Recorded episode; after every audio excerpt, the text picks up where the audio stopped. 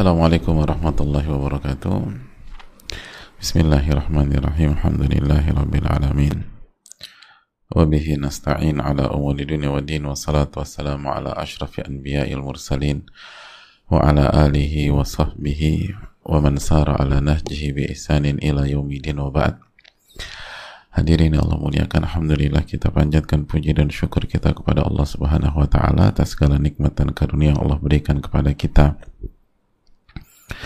sebagaimana salawat dan salam semoga senantiasa tercurahkan kepada junjungan kita Rasul kita Muhammadin alaihi salatu wassalam beserta para keluarga, para sahabat dan orang-orang yang istiqomah berjalan di bawah naungan sunnah beliau sampai hari kiamat kelak Allahumma inna nas'aluka ilman nafi'an wa na'udzubika min ilmin la yanfa. Ya Allah berikanlah kami ilmu yang bermanfaat dan lindungilah kami dari ilmu yang tidak bermanfaat.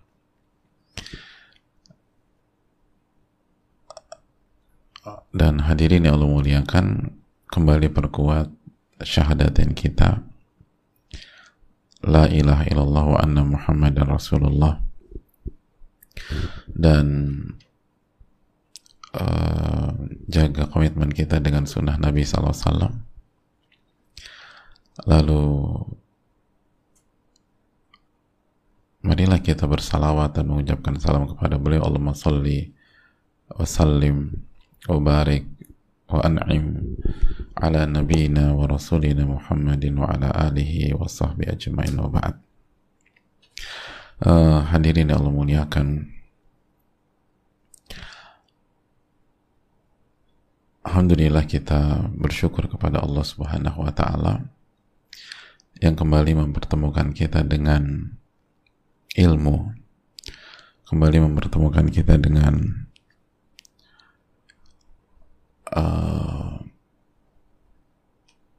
firman-firman uh, Allah serta hadis Nabi Shallallahu Alaihi Wasallam yang mempertemukan kita dengan kunci kebahagiaan di dunia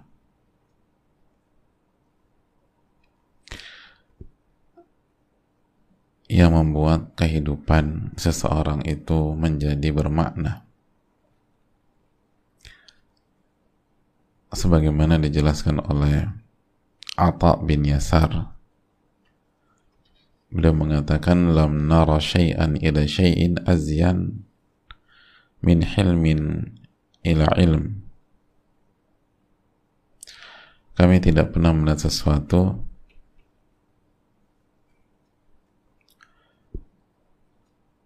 yang lebih indah jika ditujukan kepada sesuatu jika melainkan atau melebihi ke kematangan ditujukan kepada ilmu. Jadi ilmu dan kematangan itu adalah perhiasan kehidupan hadirin. Perhiasan kehidupan yang akan membuat hidup kita itu indah, bermakna, yang akan membuat kehidupan kita itu tidak hambar, yang akan membuat kehidupan kita itu tidak tertekan, tidak uh, terhimpit. Walaupun banyak masalah. Walaupun banyak masalah karena itu yang kata para ulama ini perhiasan untuk menghiasi hidup kita. Untuk membuat nyaman hidup kita dan membuat bahagia hidup kita. Dan sebaliknya orang yang hidup tanpa ilmu tanpa kematangan walaupun banyak harta walaupun banyak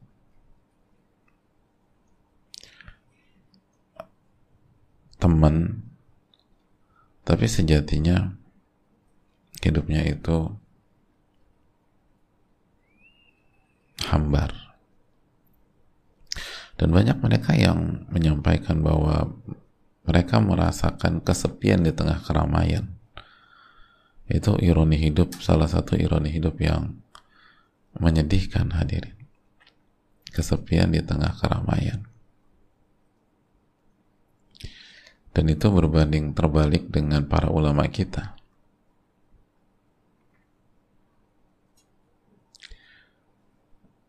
Imam Ahmad bin Abdul Halim itu merasa sedang berada di surga dunia ketika berada di penjara karena difitnah dan dizolimi tapi pada saat itu beliau merasa kenikmatan. Seringkali kita berada di tempat yang megah justru merasakan kehimpitan. Nah kunci itu semua adalah ilmu yang bermanfaat. Maka bersyukurlah ketika kita mendapatkan ilmu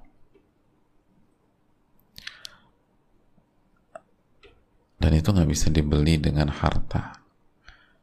Itu harus dijalani dengan al ilmu nafi. Maka semangatlah ketika kita mendapatkan ilmu dan bersungguh-sungguhlah dalam masalah itu. Wallahu ta'ala bisawab. Hadirin Allah muliakan, mari kita kembali bersama Al-Imam An-Nawawi dalam kitab Riyadus Salihin. Dalam bab Amar Ma'ruf Nahi Mungkar.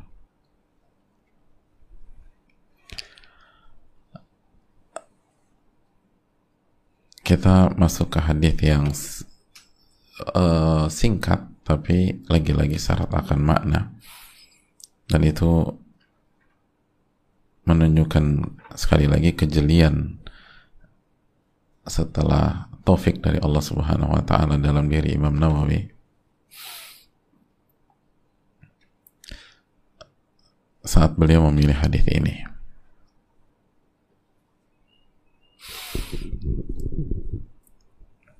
Hadis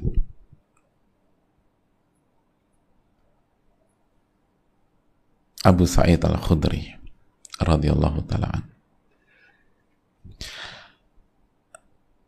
Hadirin, mari kita bersama Al-Imam An-Nawawi, semoga Allah merahmati beliau, orang tua dan keluarga beliau, dan semoga Allah merahmati kita semua.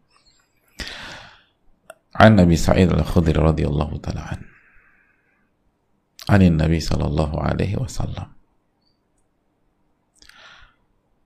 Dari Abu Sa'id Al-Khudri radhiyallahu taala an dari Nabi kita sallallahu alaihi wasallam bahwa Rasulullah sallallahu alaihi wasallam bersabda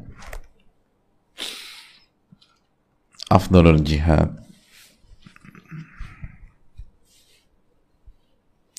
sebaik-baik jihad. Kalimatu adlin inda sultanin jair. Sebaik-baik jihad atau seutama-utama jihad adalah menyampaikan kalimat yang adil di hadapan penguasa yang tidak baik. Jair. Yang tidak adil gitu. Loh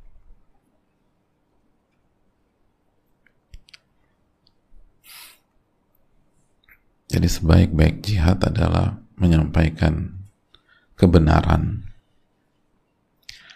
menyampaikan keadilan di hadapan penguasa yang zalim atau yang gak adil. Di hadapan penguasa yang zalim.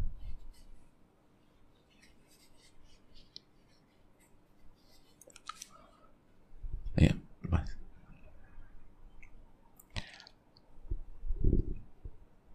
ini dikeluarkan oleh Imam Abu Daud Tirmidzi. Hadirin yang Allah muliakan, sederhana, simpel, dan uh, berkaitan dengan bab kita. Pelajaran yang bisa kita petik hadirin Allah muliakan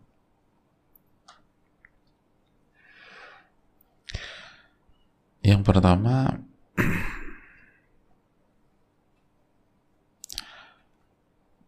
ulama menjelaskan bahwa orang yang punya akses ke penguasa itu terbagi menjadi dua hadirin. Dan itu sunnatullah di setiap masa. Yang pertama, bitanatus orang yang buruk dan dia ini selalu membisikkan yang buruk, yang zalim, membisikkan atau menyampaikan hal yang maksiat, bertentangan dengan kebenaran. Dan yang kedua, bitanatul haq, yaitu orang-orang yang menyampaikan kebaikan dan kebenaran di hadapan penguasa. Dan sebagaimana diterangkan oleh Nabi SAW, begitulah sunnatullah atau pola yang Allah terapkan di setiap zaman. Ada yang baik, ada yang buruk. Ada yang baik, ada yang buruk. Ada yang baik dan ada yang buruk. Sebagaimana juga di tengah-tengah seorang nabi pun demikian. Ada yang baik, ada yang munafik kan begitu Abdullah bin Ubay bin Salul kan munafik hadirin dan itu hidup di tengah-tengah Nabi SAW dan menghembuskan hal-hal yang negatif tapi Allah subhanahu wa ta'ala menjaga Nabi kita sehingga beliau sallallahu alaihi wasallam tahu dan bisa bersikap dengan tepat dengan taufik dari Allah subhanahu wa ta'ala dan itu uh, yang terjadi di setiap di setiap masa. Makanya kalau kita diberikan kekuasaan di sebuah lingkungan atau di sebuah wilayah atau di skop mana pun, jangan pernah lupakan sunnatullah ini. Bahwa yang dekat dengan kita ada yang tulus dan ada yang punya kepentingan. Ada yang tulus, ada yang punya kepentingan. Ada yang tulus dan ada yang punya kepentingan. Ada yang baik, ada yang buruk. Ada yang baik, ada yang buruk. Begitu seterusnya. Itu sulit atau tidak bisa dielakkan. Karena Nabi SAW mengalami itu. Nabi SAW pun mengalami hal tersebut. Makanya kita harus dekat sama Allah harus kembali kepada Allah Subhanahu wa taala dan harus minta penjagaan dari Allah Subhanahu wa taala. Sebagaimana Nabi SAW adalah manusia yang paling dekat dengan Rabbul Alamin. Dan ini pelajaran kehidupan yang mahal. Karena banyak orang berpikir lingkungan dekatnya baik-baik semua. Enggak. Makanya itu yang disampaikan oleh para ulama. Li sultan bitanatan, kata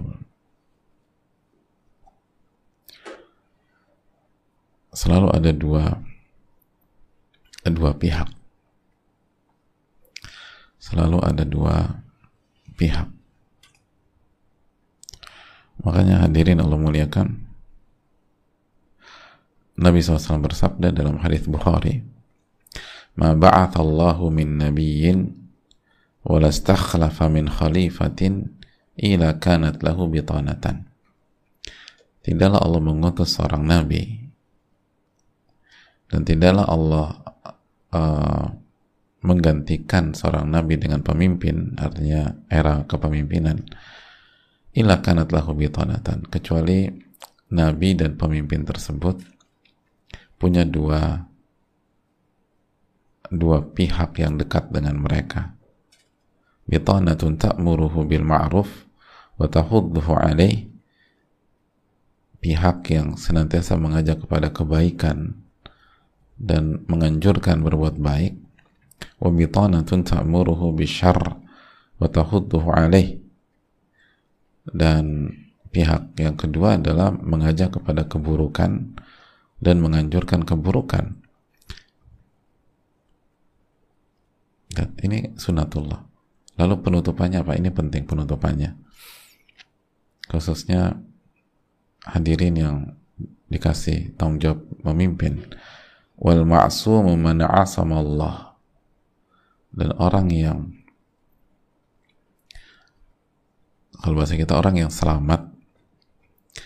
Orang yang terjaga adalah yang dijaga oleh Allah. Yang dijaga oleh Allah. Al-ma'sum wal ma'sum man Allah jadi kalau udah di level ini hadirin nggak bisa kita ngandung kecerdasan kita.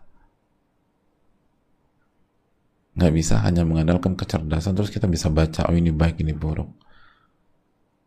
Nggak bisa kita hanya mengandalkan pengalaman kita. Karena yang terjaga man asam Allah yang dijaga oleh Allah.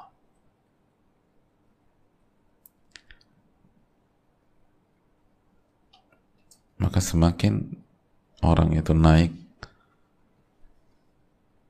itu semakin harus semakin dekat dengan Allah. Harus semakin dekat dengan Allah ta'ala biar Allah jaga. Biar Allah jaga. Itu poin pertama yang menarik. Nah yang maksudnya yang bitanah yang baik ini yang akan menyampaikan kalimat-kalimat yang benar. Yang menyampaikan hal-hal yang baik hal-hal yang positif hal-hal yang benar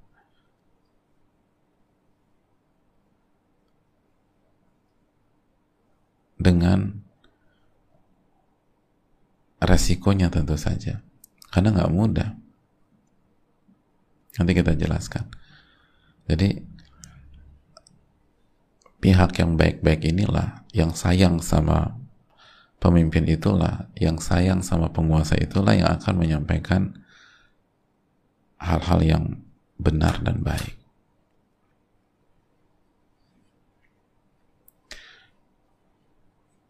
bahkan mereka siap mengambil atau menghadapi resiko semata-mata karena mereka mencari ridho Allah lalu mereka sayang sama pemimpinnya dengan cara yang benar. Pelajaran yang berikutnya, kenapa menyampaikan hal yang baik di hadapan pemimpin yang tidak baik atau yang zalim itu merupakan sebaik-baik jihad. Karena dijelaskan oleh para ulama. Di antaranya Asindi dalam Hasyiatus Sindi terhadap Sunan An-Nasai. Karena resikonya tuh besar. Bahkan Asindi rahimahullah mengatakan qala man yanjufi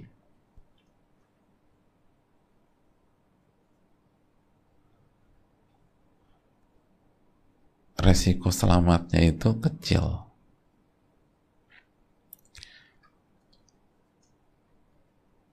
Dan banyak pihak akan menyalahkan dia. Bal kullu yukhti'unahu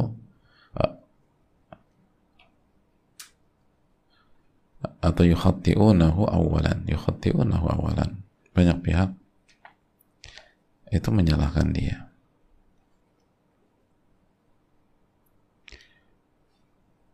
khususnya di fase-fase awal.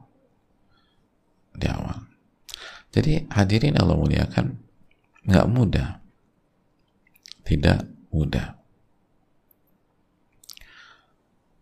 Oleh karena itu, dikatakan sebaik-baik sebaik-baik jihad. Sebaik-baik jihad karena ini tidak mudah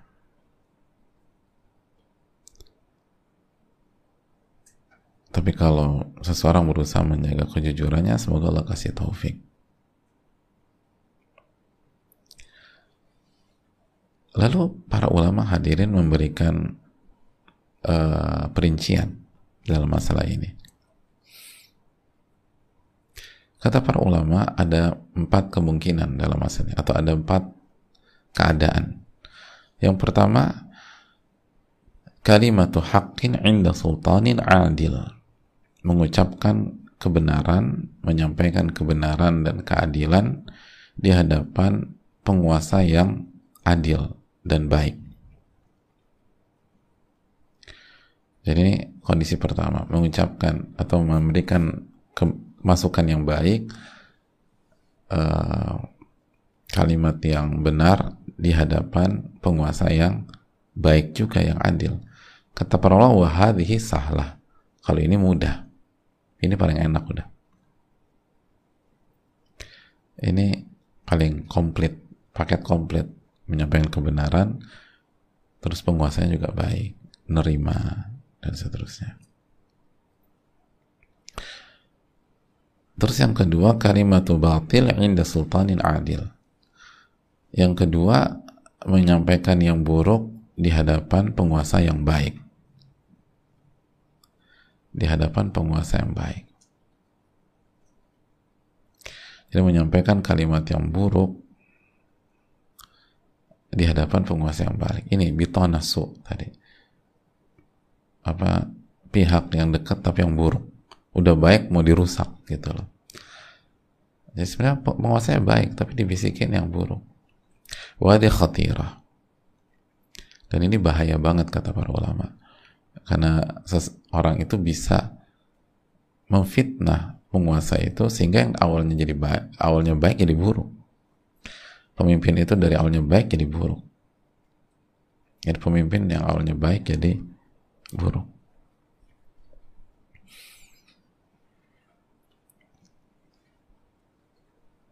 Jadi pemimpinnya baik, dibisikin yang buruk itu bisa jadi buruk.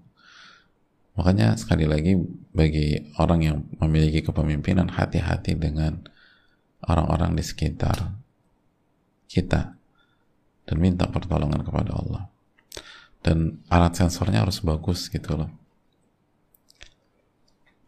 Jangan karena udah deket dan seterusnya dia bisa ngomong apa pun di hadapan kita kita ini benar atau enggak? Benar atau enggak? Kok gini sih? Ini ada dalilnya apa enggak? Ini diperintahkan Allah dan Rasulnya atau sebaliknya? Itu yang kedua. Yang ketiga kalimatu haqqin inda sultanin jair.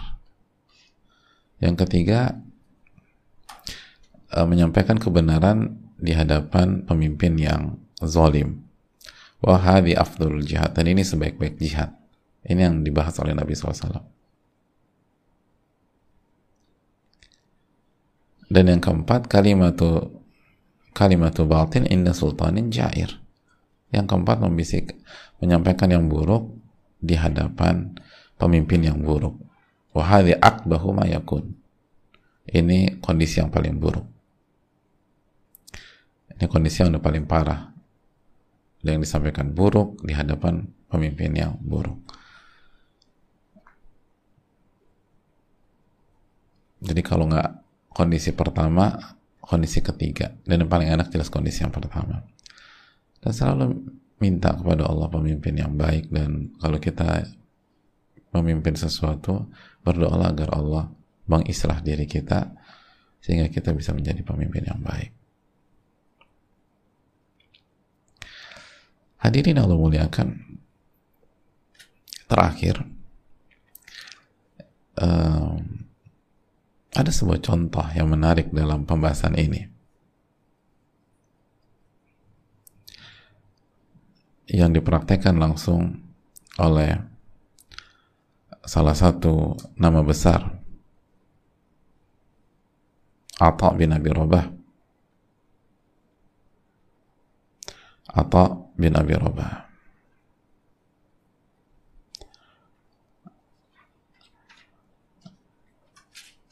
ketika beliau mendatangi Abdul Malik bin Marwan.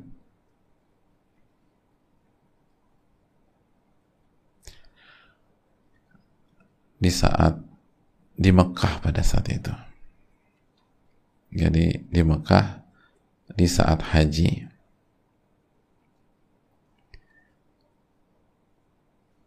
di masa kepemimpinan Abdul, Ma uh, Abdul Malik bin Marwan.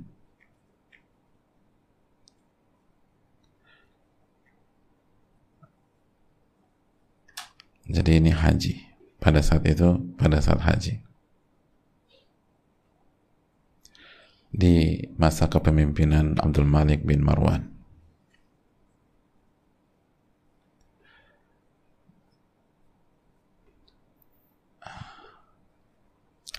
Hadirin Allah muliakan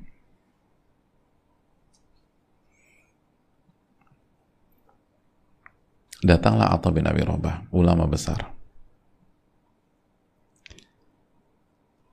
Dan berhadapan dengan khalifah, pemimpin.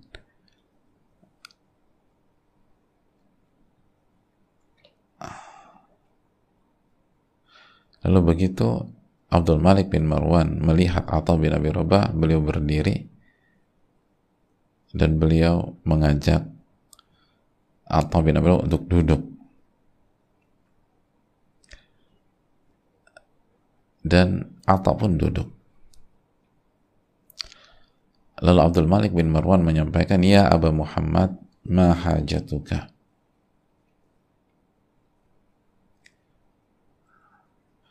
Wahai Abu Muhammad, wahai Abu Muhammad, Abu Muhammad Atta bin Abi Rabah. Ma hajatuka? Apa keperluanmu? Apa hajatmu? Apa yang bisa saya bantu? Jadi ada keperluan apa nih? Apa hajatmu? Ini orang nomor satu bertanya begitu, apa hajatmu? Apa kata Atta bin Abi Rabah? Faqala Amirul Mu'minin. Wahai pemimpin kaum muslimin. Ittaqillah fi haramillah wa harami rasulillah. Bertakwalah kepada Allah. Jadi wahai Amirul Mukminin, bertakwalah kepada Allah sehingga tidak terjatuh ke dalam hal-hal yang diharamkan oleh Allah dan Rasulnya.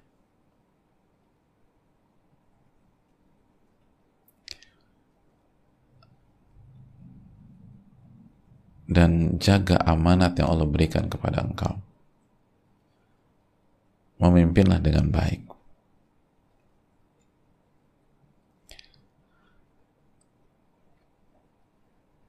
Masya Allah ya, itu langsung to the point, bertakwalah kepada Allah dan jaga kepemimpinan. Wattaqillah fi auladil muhajirin wal ansar. Dan bertakwalah kepada Allah dalam menyikapi keturunannya muhajirin dan ansar. Bertakwalah kepada Allah dalam menyikapi anak-anak muhajirin dan ansar, anak-anak para sahabat Tolong jaga anak-anak para sahabat, anak keturunannya. Fa inna bihim jalastu hadzal majlis. Karena dengan mereka lah aku bisa duduk di majelis ini. Fa inna bihim jalasta hadzal majlis. Karena dengan mereka lah engkau bisa duduk di majelis ini. Jadi engkau bisa jadi pemimpin itu faktor mereka ya iyalah kalau nggak ada dan ansar yang gimana mungkin Abdul Malik bin Marwan duduk di sana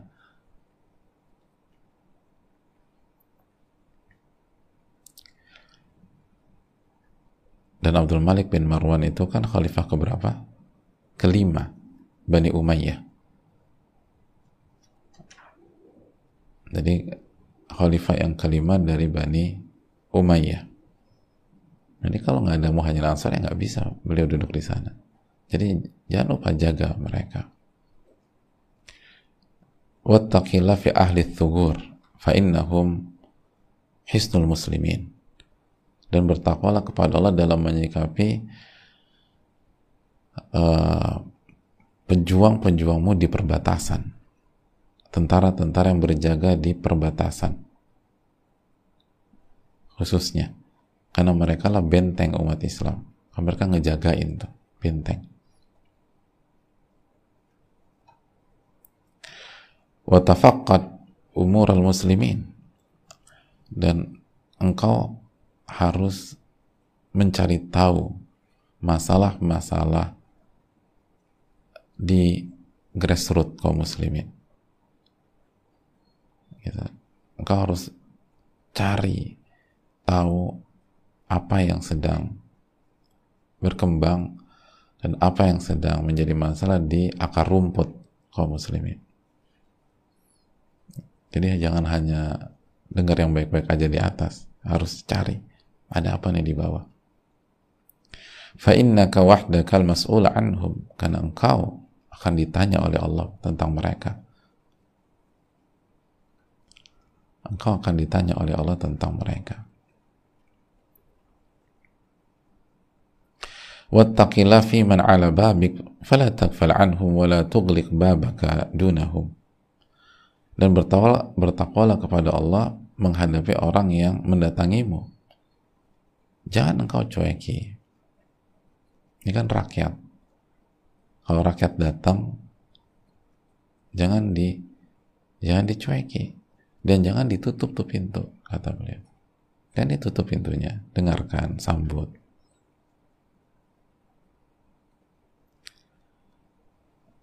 Terus apa kata Abdul Malik bin Marwan? Tapi sebelum kita simak bicara gini tuh resiko nggak hadirin? Resiko. Dari awal langsung ingatan bertakwa kepada Allah, bertakwa kepada Allah, bertakwa kepada Allah, bertakwa kepada Allah. Dan Atta bin Umar sampaikan aja nothing tulus. Lalu apa respon dari Abdul Malik bin Marwan? Ajal af'al. Baiklah. Insya Allah saya akan lakukan. Dan diterima sama Abdul Malik bin Marwan. ثم نهض وقام فقبض عليه Abdullah Abdul Malik bin Marwan. Itu begitu Abdul Malik bin Marwan mengatakan ajal af'al itu Atta bin Marwan langsung bangkit berdiri mau pergi. Habis ngomong begitu ajal afal oke saya akan lakukan. Itu langsung bangkit dan mau berdiri dan mau pergi. Jadi nggak ada nggak ada santai-santai di situ nggak ada. Oke kalau gitu ya saya mau pergi faqabada alaihi Abdul Malik. Lalu Abdul Malik langsung menahan atau bin Abi artinya mencegah dipegang mungkin tangannya. Qabada ditahan ditahan itu. Lalu Pak begitu ditahan atau dicegah dicegah untuk tidak tidak pulang, ya Aba Muhammad, inna ma sa'altana hajatan li ghairika wa qad qadainaha, fama hajatuka ant? Wahai Abu Muhammad, wahai Atta bin Abi Rabah, ulama besar. Apa yang kau sebutkan tadi, itu permintaanmu berkaitan dengan orang lain permintaanmu berkaitan dengan orang lain. Kan gitu. Tentang keturunannya muhajirin dan ansor, lalu tentang ahlu thugur, tentara-tentara yang berada di perbatasan, lalu grassroots, lihat akar rumput, terus uh, orang yang datang jangan ditolak atau jangan dicueki. Kalau nggak bisa ini mungkin ada asisten atau kabinetnya untuk nyambut. Jangan tutup pintu. Itu kan semua berkaitan dengan orang lain bukan berkaitan dengan kamu. Kan dari awal saya nanya kamu tuh perlu apa? Kamu gitu loh. Engkau engkau tuh perlu apa engkau sebutkan urusan-urusan orang lain Nah engkau sendiri ini apa kebutuhanmu? Dan yang engkau sebutkan, kota inaha. Kita akan lakukan, kita akan eksekusi. Fama hajatuka anta. Sekarang apa keperluanmu? Apa keperluan engkau, wahai atau bin Abi Robah? Apa kata Atta bin Abi Robah hadirin?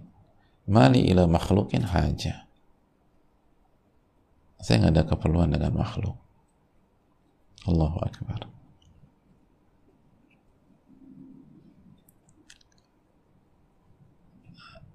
Saya nggak ada keperluan dengan makhluk. Artinya saya nggak ada hajat dengan engkau. Itu aja. Adapun diri saya nggak ada. Adapun diri saya nggak ada.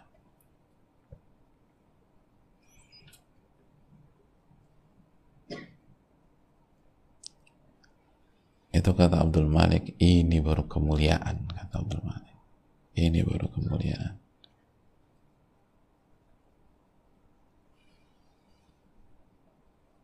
Ini syaraf gitu. "Hada wa abika syaraf.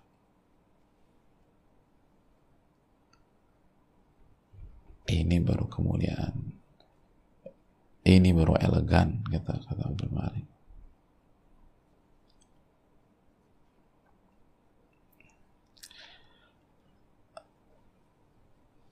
Jadi ini pelajaran bagi kita dari dua sisi. Sisi yang pertama bagaimana uh, pemimpin itu menerima masukan khususnya dari ulama. Menerima nasihat. Dan di sisi lain lihat bagaimana cara menyampaikan nasihat ke pemimpin yang diterapkan oleh para ulama kita dan pure pure. Nggak ada kepentingan. Lihat nggak ada nggak ada caci maki nggak ada celaan nggak ada nyinyiran nggak ada menjatuhkan. Nggak ada basa-basi juga. To the point dan tidak ada kepentingan. Dan nggak minta untuk diri sendiri.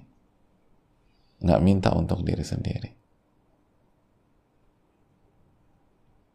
Mali ila makhlukin haja.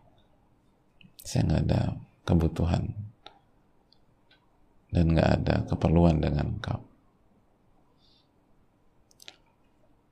Abdul Malik bin Marwan ini baru kemuliaan.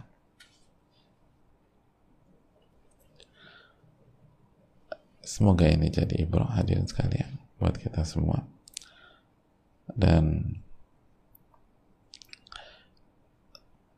sekali lagi ini menunjukkan kalimatul haq itu menyampaikan yang benar itu bukan tidak harus kasar tidak harus dengan menjatuhkan bully dan seterusnya. Bisa dengan cara yang baik, elegan tapi tetap to the point tetap tegas dan pastikan nggak ada kepemimpinan. Jadi pemimpin kita itu tahu bahwa memang kita sayang sama mereka. Nggak ada kepentingan apa pun. Kita menyampaikan kebenaran itu atau menyampaikan hal yang adil itu karena kita ingin kebaikan buat mereka. Berharap mereka nggak di nggak dihisap oleh Allah karena dengan hisap yang buruk Kan lihat dong, fa innaka wahdakal mas'ul anhum. Engkau tuh akan ditanya oleh Allah pada hari kiamat tentang mereka. Jadi ini pure atau bin Abi Robah sayang sama kaum muslimin. Sayang dari sisi rakyat, sayang juga dari sisi pemimpin. Ingin rakyat mendapatkan uh, kebaikan dan ingin berharap juga pemimpin dapat kebaikan. Semuanya. Nggak ada kepentingan. Dan menjaga keikhlasan. Dan ini yang susah kan? Illa man rahimah rabbu kecuali yang dirahmati oleh Allah. Jadi itu yang perlu ditanamkan uh, semoga bermanfaat. Dan jaga keikhlasan ketika menyampaikan sebuah kebaikan dan kebenaran dan semoga Allah memberikan hidayah kepada kita semua dan menjaga iman kita dan semoga Allah menerima amal ibadah kita. Kita tutup uh, materi ini dan kita buka sedikit waktu untuk sesi tanya jawab. Wassalamualaikum warahmatullahi Muhammad. Oh iya sebelum saya buka satu lagi poin penting dan di antara uh, apa namanya uh, hikmah kenapa ini seabdul afdol jihad? Karena kalau diterima dan kalau seorang pemimpin berubah dengan masukan kita yang kita sampaikan dengan baik maka dampaknya sangat besar. Dampaknya sangat besar. Dampaknya bisa tergantung skop dari kepemimpinannya mulai dari ratusan orang atau mulai dari puluhan orang, ratusan orang, ribuan orang, jutaan orang. jadi apa yang kita sampaikan mungkin 5 menit 10 menit itu itu dampaknya bisa ke ratusan orang ribuan orang bahkan jutaan orang sangat sangat strategis sebagaimana dilakukan oleh Atta bin Abi Rabah dan Abdul Malik bin Marwan. Assalamualaikum warahmatullahi wabarakatuh. Assalamualaikum warahmatullahi wabarakatuh. Semoga Allah beri keberkahan merahmati dan mena merahmati dan mendapatkan nikmat kubur bagi Al-Imam Nawawi. Amin ya rabbal alamin. Semoga Allah memberikan keberkahan merahmati Ustadz, tim kajian dan seluruh umat Islam di dunia. Amin ya rabbal alamin. Saya punya anak perempuan yang baru masuk usia remaja saya dari dulu minta sama istri anak perempuan dipakaikan jilbab syar'i. Namun selalu ditentang karena norak dan lain sebagainya. Keluarga besar istri sebagian tidak berhijab dan anak-anak tidak ada yang berhijab. Sehingga mempengaruhi anak saya juga untuk susah berhijab. Alasannya selalu hijab itu soal hati. Saya sudah mencoba mendakwahi dan bersabar tapi tidak juga berubah. Untuk anak saya untuk anak saya harus tegas untuk berhijab semoga diikuti bagaimana sikap saya dengan istri dan keluarga besarnya? Saya sendirian yang sedang berusaha mengikuti sunnah jazakallah khairan. Uh, ya terima kasih atas pertanyaan dari suami ini. Semoga Allah memberikan uh, taufik bagi kita semua dan kepada beliau semoga diberikan kesabaran untuk memperjuangkan. Yang pertama ingat selalu surat At-Tahrim ayat 6 ketika Allah berfirman ya ayyuhalladzina amanu qu anfusakum wa ahlikum nara. Wahai orang-orang beriman jagalah diri kalian dan keluarga kalian dari siksa api neraka. Jagalah istri dan anak-anak kita dari siksa api neraka. Dan cara menjaganya dijelaskan oleh Ali bin Abi Thalib radhiyallahu taalaan dengan mengajarkan mereka agama dan mendidik mereka mengajarkan mereka adab. Yang kedua uh, Nabi SAW bersabda kullukum ra'in wa kullukum mas'ulun an ra'iyatihi. Kullukum ra'in wa kullukum mas'ulun an ra'iyatihi. Setiap kalian itu pemimpin dan setiap pemimpin akan ditanya tentang yang dipimpin. Jadi kita akan ditanya tentang istri kita dan anak-anak kita. Dan kalau mereka membuka auratnya kita akan ditanya oleh Rabbul Alamin. Dan itu hal yang serius hal yang berat hal yang serius dan hal yang yang berat oleh karena itu uh, siapakah kita ditanya oleh Allah Subhanahu wa taala. Lalu yang ketiga, man ra'a minkum munkaran falyughayyirhu. Sebagaimana hadis yang sudah kita pelajari, barang siapa yang melihat kemungkaran maka ubahlah dengan tangannya. Kalau tidak mampu maka dengan lisannya, kalau tidak mampu maka dengan hatinya dan itu selemah-lemahnya iman. Dan kita tahu bahwa ulama mengatakan dan sudah kita bahas bahwa yang merubah dengan tangan di antara salah satu penekanannya adalah untuk orang yang punya kepemimpinan dan kekuasaan. Dan suami adalah seorang pemimpin di lingkungan rumah, penguasa di keluarga. Maka dia bisa rubah dan bisa cegah dengan kebijakan dan tangannya. Dan ini bukan berarti kasar, bukan berarti ini enggak. Tetap lemah lembut, tetap eh, bijak, tetap santun, tapi harus ada ketegasan. Harus ada ketegasan.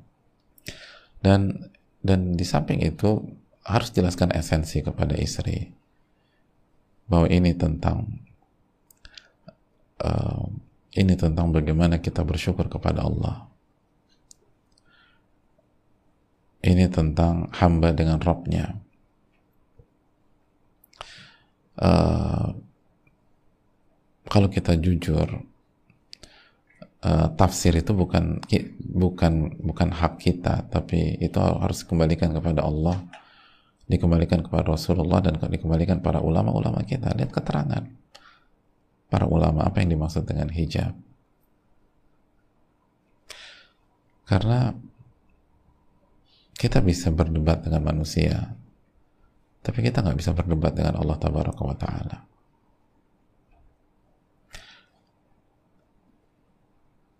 kita nggak bisa cari-cari alasan di hadapan Rabbul Alamin pada hari kiamat. Ialah Malik Yaumiddin, dialah Raja dan penguasa hari kiamat.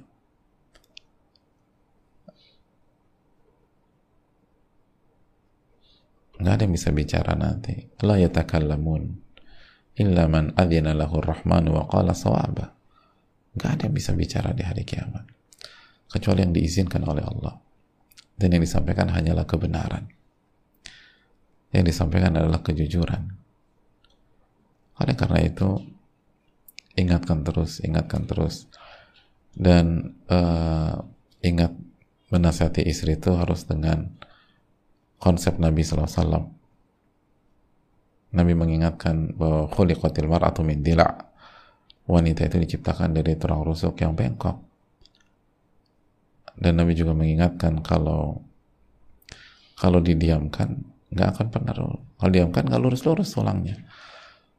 Tapi kalau keras patah. Jadi harus pelan-pelan. Nanti ini lagi nanti masuk lagi. Lalu ini lagi pelan-pelan. Tapi harus terus diingatkan terus diingatkan dan terus diingatkan. Allah taala dan yang paling penting doa sama Allah. Minta agar Allah memantapkan hati istri kita doa sama Allah jangan kita lupa berdoa berdoa berdoa berdoa berdoa berdoa Lalu bantu orang juga penting.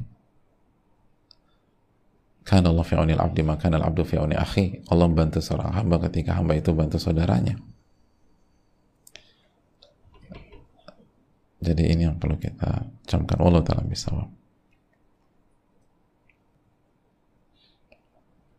Saya rasa cukup sampai di sini. Jazakallah khairan. Semoga Allah memberikan taufik. Mohon maaf banyak pertanyaan yang tidak terjawab. Uh,